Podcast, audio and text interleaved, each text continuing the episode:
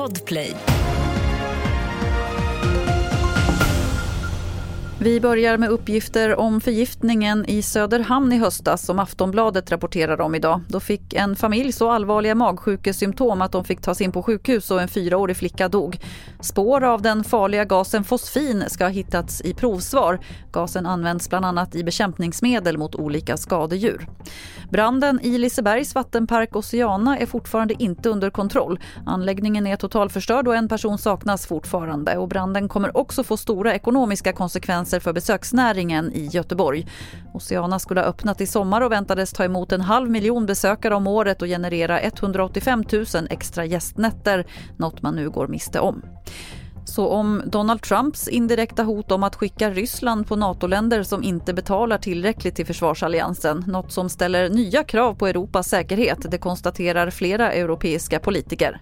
Donald Trumps nonchalanta och hotfulla uttalanden om NATO har väckt vrede bland europeiska NATO-länder.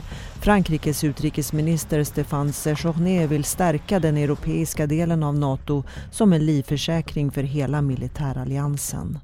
Under ett möte igår i Frankrike med utrikesministrarna från Polen och Tyskland enades man om att Europa måste bygga sin egen försvarsindustri för att klara väpnade konflikter. Reporter här var Ann-Katrin Ro. Och fler nyheter det finns på tv4.se. Jag heter Lotta Wall.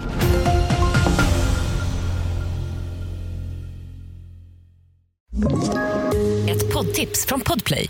I podden Något Kaiko garanterar östgötarna Brutti och jag, Davva, dig en stor dos skratt. Där följer jag pladask för köttätandet igen. Man är lite som en jävla vampyr. Man har fått lite blodsmak och då måste man ha mer. Udda spaningar, fängslande anekdoter och en och annan arg rant. Jag måste ha mitt kaffe på morgonen för annars är jag ingen trevlig människa. Då är du ingen trevlig människa, punkt. Något Kaiko, hör du på Podplay. Därför arkadeinerna.